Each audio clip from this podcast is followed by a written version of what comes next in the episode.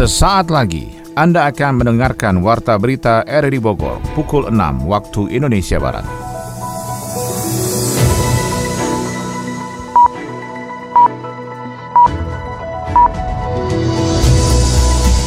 Selamat pagi dan salam jumpa. Kami menyapa Anda kembali dalam Warta Berita pagi ini, Rabu 7 Juli 2021. Siaran ini bisa Anda dengarkan lewat aplikasi RRI Play pada perangkat smartphone Anda dan turut disiarkan Radio Tegak Beriman Kabupaten Bogor. Berita utama hari ini adalah Tujuh provinsi di Indonesia rawan lonjakan kasus COVID-19 yang dipicu penularan varian Delta asal India. Angka penambahan kasus COVID-19 di Kota Bogor mencapai 400 hingga 500 kasus dalam sehari. Nah, yang terjadi hari ini, eh, kasus harian bisa mencapai antara 400 sampai 500. Kita sudah melewati ambang batas keseimbangan itu. Kelangkaan oksigen medis untuk pasien COVID-19 di Kabupaten Bogor menyebabkan kenaikan harga lebih dari 100 persen. Kita nggak mau ngambil untung banyak-banyak, Pak, karena kasihan gitu. Kadang orang ada yang datang kemarin tabung kecil, kita kurang, udah nggak apa-apa. Bersama saya Melani Snarto, inilah Warta Berita selengkapnya.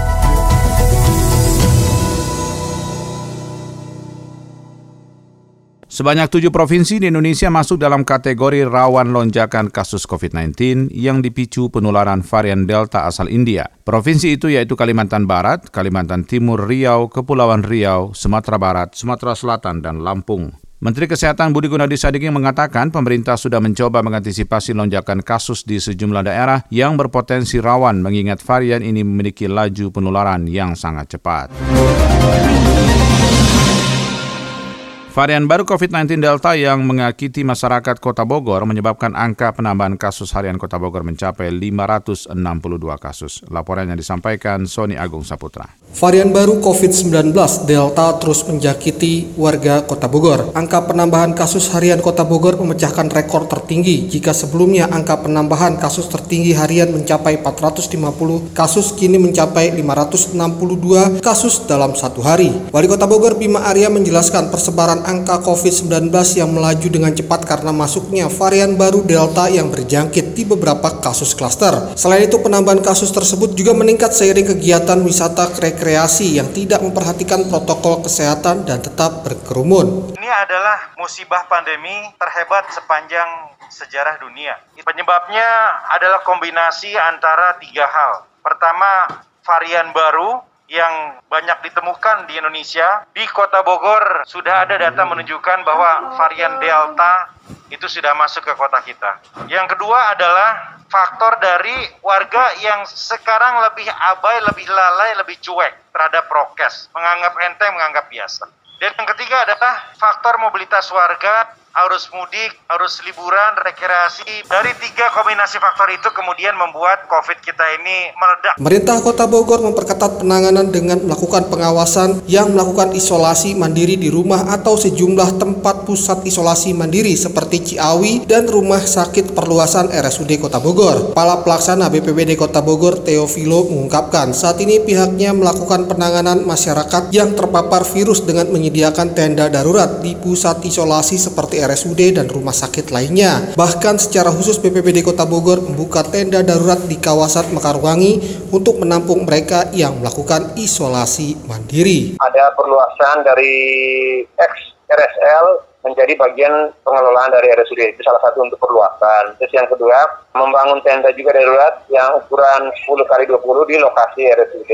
Saat ini juga terkait dengan isolasi, Eh, di kelurahan-kelurahan wilayah-wilayah kan udah ada tempat isolasi mandirinya. Kalian juga kami akan sekarang masih proses karena ada lahan lagi dimasangin di wilayah Mekarwangi untuk dipasang tenda darurat. Kebetulan tenda yang tersedia di kami kan ada tiga, satu dari pasang ya bisa dua dua itu nanti kalau di sana muat bisa di sana atau muat kalau enggak berarti nanti satu di sana mungkin satu lagi di mana bisa di Satgas COVID-19 juga melakukan optimalisasi pengawasan protokol kesehatan dengan menjaring pelanggar di tempat fasilitas publik yang tersebar di berbagai wilayah. Sanksi tegas akan berlaku kepada fasilitas publik dan restoran yang tidak mengindahkan protokol kesehatan saat menjalankan aktivitas. Sementara Sementara itu, Wakil Wali Kota Bogor, Dedi Arahi, mengatakan angka penambahan kasus COVID-19 kali ini sudah melewati batas keseimbangan. Apabila pada tahun lalu puncak tertinggi kasus COVID-19 harian di Kota Bogor kurang dari 200 kasus, saat ini kasus hariannya mencapai 400 hingga 500 kasus dalam satu hari. Satu tahun kemarin sampai dengan bulan Februari Maret, kondisi COVID tertinggi ya pasca beberapa libur panjang, kemudian cuti bersama bulan Desember, kemudian bulan Januari, itu kita masih bisa kendalikan Jadi puncak tertinggi kasus COVID harian di, di Kota Bogor itu mencapai kurang lebih 198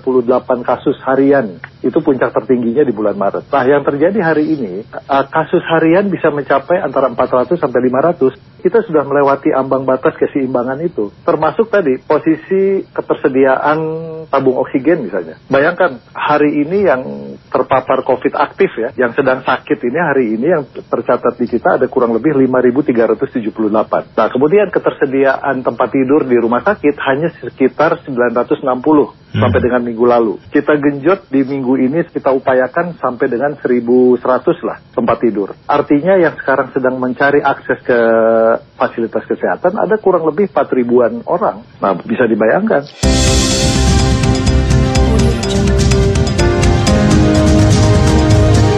Anda tengah mendengarkan Warta Berita RRI Bogor. Satgas COVID-19 Kota Bogor melakukan penelusuran klaster perumahan Katulampa yang ratusan warganya terpapar virus corona. Kita ikuti laporan Sony Agung Saputra. Satgas COVID-19 Kota Bogor terus melakukan penelusuran kontak warga perumahan kawasan Katulampa Bogor Timur yang terjangkit virus COVID-19.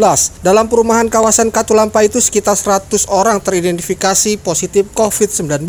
Camat Bogor Timur Rena Drafrina mengatakan saat ini pihaknya fokus kepada upaya melacak warga yang kontak erat dengan mereka yang teridentifikasi COVID-19. Pihaknya juga melakukan penanganan warga yang isolasi mandiri untuk mendapatkan obat-obatan dan pasokan logistik sembako. Memang kalau data yang beredar ya itu kan hampir 90-an. Cuman saya tidak bisa pakai data yang belum divalidasi sama puskesmas atau sama dinkes. Jadi kami tetap rujukan data adalah data dari dinkes. Sampai saat ini data itu sekitar 59 ya per hari. Kita melaksanakan PCR. Nah rencananya awal PCR itu diadakan hari Selasa di puskesmas. Tapi kita jemput bola, kita coba lagi menekan angka penyebaran dan kontak erat. Jadi makanya supaya mereka nggak keliaran ke mana-mana, PCR-nya kita jemput bola tuh dan dimajukan 40 PCR dan 10 antigen. Sementara itu BPBD Kota Bogor melakukan penanganan klaster perumahan kawasan Katulampa itu dengan melakukan penyemprotan disinfektan. Kepala Pelaksana BPBD Kota Bogor Teofilo menjelaskan upaya penanganan berlangsung dengan menyisir semua tempat yang diduga terdapat virus COVID-19 untuk dilakukan penyemprotan secara berkala untuk meminimalisir potensi penularan. Teman-teman dari wilayah RT RW, Satgas dari RT RW sampai kelurahan yang melakukan penanganan di sana. Dari tingkat kota, kami BPBD melakukan penyemprotan di area Giri Katulampa untuk protap pencegahan. Sekarang kan ada satgas kelurahan di sana. Jadi nanti dari sana teman-teman wilayah melakukan pemantauan karena memang saat ini posisi Kota Bogor setiap hari pertambahannya sangat banyak. Jadi nggak semua dilakukan oleh tingkat kota. Nah, kalaupun terkait nanti misalnya logistik dan segala macam, wilayah bisa koordinasi sama kami di tingkat kota untuk distribusi itu. Selain itu untuk warga yang berpotensi sakit yang bergejala pihaknya sudah berupaya mengirimkan ke rumah sakit umum daerah dan rumah sakit lainnya untuk mendapatkan penanganan medis lanjutan. Kelangkaan oksigen medik untuk pasien COVID-19 di Kabupaten Bogor menyebabkan kenaikan harga tabung oksigen dan isi ulang lebih dari 100% dari harga distributor. Kita ikuti laporan Yofri Haryadi. Habis ya om, kosong. Paling ke rumah sakit, ya bapak orang di rumah butuh oksigen. Lagi isoman juga nih. Iya, Ketersediaan oksigen medis untuk pasien COVID-19 di Kabupaten Bogor menjadi langka. Kelangkaan itu pun dimanfaatkan oleh para spekulan dengan menaikkan harga tabung oksigen dan isi ulang lebih dari 100% dari harga distributor. Di tingkat distributor terbesar yakni Filling Station Oksigen Cibinong, harga tabung oksigen dan isinya untuk satuan 1 meter kubik dijual 1,3 juta rupiah, sementara harga isi ulangnya hanya Rp55.000 per tabung. Begitupun dengan tabung ukuran besar 6 meter kubik, harga tabung beserta isinya hanya 2,7 juta rupiah dan harga isi ulangnya 150 ribu rupiah. Kepala Operasional Filling Station Oksigen Cibinong, Rizwan, mengatakan ada kenaikan harga yang dibebankan untuk biaya tenaga kerja karena harus melayani penjualan oksigen hingga 18 jam per hari akibat tingginya permintaan. Permintaan tabung oksigen 1 meter kubik pun meningkat hingga 500 tabung per harinya. Sementara kapasitas isi ulang di filling station Cibinong tersebut terbatas dari segi pasokan bahan baku dan jumlah tenaga kerja. Memang udah mahal, tapi saya nggak tahu lah. Saya, saya kemarin dari Barreskrim pun datang kemari. Nah, saya sudah dari semua kepolisian, dari Polsek, Polres, Barreskrim, Polda, saya ngomong apa adanya. Saya beberin Pak harga di depan. Nggak kemanusiaan banget sih gitu dari kesempatan kan kayak ya, kan. Kita cuma 30% sebenarnya dari dari harga yang sudah kita beli dan kita naikin cuma 30%. Kita nggak mau ngambil untung banyak-banyak Pak karena kasihan gitu. Kadang orang ada yang datang kemarin tabung kecil kita kurang, udah nggak apa-apa. Tingginya permintaan oksigen juga datang dari rumah sakit, baik rumah sakit umum, daerah maupun swasta. Terbatasnya jumlah oksigen di rumah sakit menjadikan pasien atau mereka yang menjalani isolasi mandiri harus membawa sendiri oksigen dengan membeli di agen maupun pengecer yang harganya dipasok 2 hingga 2,5 juta rupiah. Menanggapi kondisi itu pun Wakil Ketua DPRD Kabupaten Bogor Agus Salim meminta agar ada intervensi dari kepolisian dan dinas agar tidak ada yang memanfaatkan situasi tersebut. Eksekutif sudah melakukan beberapa kali rapat hmm. untuk menangani hal ini. Kami harapkan sudah ada perkembangan yang positif karena harus ada intervensi betul-betul. Jangan sampai kemudian ada orang yang tidak bertanggung jawab memanfaatkan kondisi mempermainkan harga. Jangan sampai kebutuhan paling asasi kita semua yaitu masalah kesehatan dan kehidupan seseorang ter halangi permasalahan-permasalahan. Jadi kalau soal krisis oksigen atau kekurangan ini hampir menyeluruh ya, terutama daerah-daerah yang tinggi, daerah-daerah COVID yang tinggi. Selain kelangkaan dan mahalnya tabung oksigen dan isinya, persoalan lain yang menjadi atensi adalah bantuan sosial kepada warga terdampak PPKM darurat hingga 20 Juli nanti. Dalam rapat terbatas DPRD Kabupaten Bogor tidak dialokasikan bantuan sosial PPKM darurat dari APBD untuk warga terdampak Heran deh ah. Heran kenapa? Tuh, banyak banget yang bangga posting-posting barang mewah dari luar. Iya sih ya, ngapain juga pada bangga? Padahal negara kita tuh banyak loh karya-karya hebat. Maksudnya? Iya saudara-saudara kita tuh banyak yang punya talenta hebat. Iya juga sih ya. Sebenarnya kan produk kita itu nggak kalah hebat sama produk luar kan? Nah, itu betul. Tapi masa pandemi ini tuh kita prihatin banget loh. Makanya kita harusnya bantu mereka nih. Dengan cara apa? Ya bisa belanja di usaha mikro, belanja di usaha ultra mikro. Pokoknya beli-beli karya produk Indonesia lah. Nah, bener tuh. Kalau bukan kita yang peduli, siapa lagi? Tapi jangan cuma ngomong doang, beneran beli. iya, iya. Bangga menggunakan produk negeri sendiri, bentuk perjuangan di saat pandemi.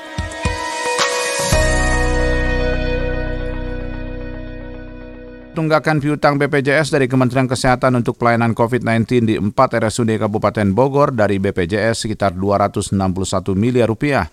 Kembali Yofri Haryadi melaporkan. Pelayanan kesehatan di RSUD Kabupaten Bogor mengalami hambatan operasional jika tunggakan piutang BPJS dari Kementerian Kesehatan untuk pelayanan COVID-19 tidak dibayarkan. Pasalnya nilai tunggakan yang belum diterima di 4 RSUD sekabupaten Bogor dari BPJS sekitar 261 miliar rupiah. Wakil Bupati Bogor Iwan Setiawan mengatakan tagihan BPJS untuk RSUD di Kabupaten Bogor terakhir dibayarkan pada Desember 2020 lalu. Hingga Januari Januari dan awal Juli ini baik Kemenkes maupun BPJS belum ada konfirmasi dan klarifikasi terkait pembayaran piutang tersebut. Di tengah PPKM darurat ini pun Wakil Bupati Wan Setiawan meminta Kemenkes memberikan diskresi kepada Kabupaten Bogor agar pencairan dapat segera dilakukan, seperti halnya rumah sakit swasta yang juga ikut dalam pelayanan pasien COVID-19.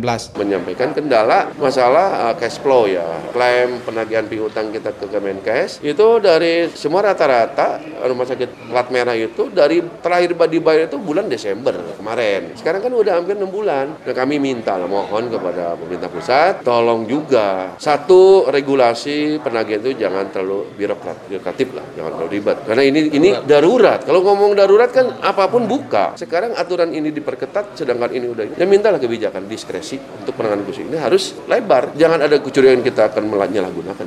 Begitupun Wakil Ketua DPRD Kabupaten Bogor Agus Salim menegaskan penyelesaian piutang dari Kemenkes juga akan menjadi bagian dalam penanganan COVID-19 di Kabupaten Bogor. Ini memang tanggung jawabnya adalah tanggung jawab pusat ya, tanggung jawab pusat gitu, tanggung jawab pusat. Nah kami dorong supaya pusat segera mencairkan dan memudahkan ya regulasi verifikasi yang ada karena ini sangat berpengaruh terhadap pelayanan dari rumah sakit yang ada termasuk juga apa yang kemudian jadi piutang dari Kemenkes dalam hal penanganan COVID. Sementara itu, dari 4 RSUD di Kabupaten Bogor yang sudah selesai administrasi untuk segera dibayarkan piutangnya sebesar 61 miliar rupiah, meliputi RSUD Cibinong 40,5 miliar rupiah, RSUD Ciawi 7,5 miliar rupiah, RSUD Cilengsi 6,4 miliar rupiah, dan RSUD Lewiliang 7,9 miliar rupiah. Sementara sisa 200 miliar masih terhutang.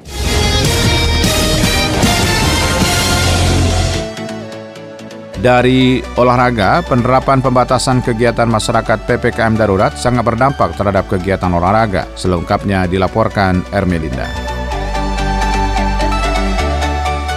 Tim Pemusatan Latihan Daerah Pelatda Panja Tebing Jawa Barat untuk Pekan Olahraga Nasional PON ke-20 Papua 2021 harus menjalani program latihan di Wall Climbing YPHB Kota Bogor. Pindahnya tempat berlatih tim Pelatda tersebut karena ditutupnya pusat olahraga Pakansari Cibinong Kabupaten Bogor selama PPKM darurat. Sehingga untuk menjaga performa atlet khususnya di kategori Speed World Record tim pelatih harus mencari solusi agar para atlet bisa tetap berlatih. Pelatih Speedworld Record Pelatda Panja Tebing Jawa Barat Dede Gilar mengatakan pindahnya tempat berlatih atlet speed ini hanya sementara waktu sampai wall climbing Stadion Pakansari bisa kembali dipakai untuk tempat berlatih atlet yang tergabung di tim Pelatda. Dede menambahkan kalau tim Pelatda Panja Tebing Jawa Barat khususnya di kategori speed gabung latihan dengan tim pemusatan latihan cabang Pelaca Panja Tebing Kota Bogor terhitung 5 Juli 2021 kemarin. Sementara itu pelatih Panja Tebing Kota Bogor, Siti Robia mengaku senang atletnya bisa berlatih bersama dengan tim Speed World Record Pelatda Jawa Barat. Apalagi ini kesempatan baik bagi atlet untuk bisa menambah pengalaman dan sedikit banyak bisa melihat teknik pemanjatan dari masing-masing atlet Speed Jawa Barat untuk PON 2021. Penerapan pembatasan kegiatan masyarakat PPKM darurat sangat berdampak terhadap kegiatan olahraga. Fasilitas olahraga yang biasa dipergunakan masing-masing cabur untuk berlatih harus ditutup sementara oleh pemerintah Kota Bogor melalui Dinas Pemuda dan Olahraga Dispora Kota Bogor sejak 3 hingga 20 Juli 2021 mendatang. Seperti dikatakan Kepala Dinas Pemuda dan Olahraga Kadispora Kota Bogor Heri Karnadi, dia memastikan pihaknya telah menutup fasilitas olahraga yang ada di kawasan Gelanggang Olahraga atau GOR sejak 3 Juli 2021 lalu. Ia menjelaskan pemberlakuan PPKM darurat di wilayah Jawa Bali termasuk Kota Bogor tujuannya untuk bisa menekan lonjakan kasus COVID-19 dalam beberapa hari terakhir sehingga dengan poin-poin PPKM darurat Jawa Bali yang menyatakan bahwa mal, pusat perbelanjaan, pusat perdagangan, tempat ibadah, lokasi seni dan budaya, sarana olahraga, taman dan tempat wisata ditutup selama pemberlakuan PPKM darurat. Kaitan dengan pembukaannya, pihaknya belum bisa menjamin apakah setelah berakhirnya masa PPKM darurat, fasilitas olahraga yang ada di Gor Pajajaran sudah boleh dipergunakan kembali atau tidak. Karena Dispora juga masih harus menunggu keputusan resmi dari pemerintah.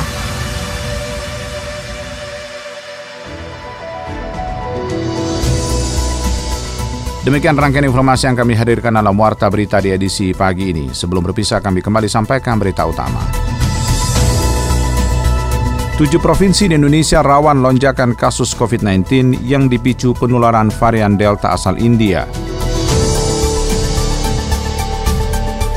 Angka penambahan kasus COVID-19 di Kota Bogor mencapai 400 hingga 500 kasus dalam sehari. Kelangkaan oksigen medis untuk pasien COVID-19 di Kabupaten Bogor menyebabkan kenaikan harga lebih dari 100 persen. Siaran ini bisa Anda dengarkan juga lewat audio podcast kami di Spotify, Anchor, Portal, dan Google Podcast. Mewakili kabar yang bertugas, saya Melane Sarto mengucapkan terima kasih atas perhatian Anda. Selamat pagi, sampai jumpa.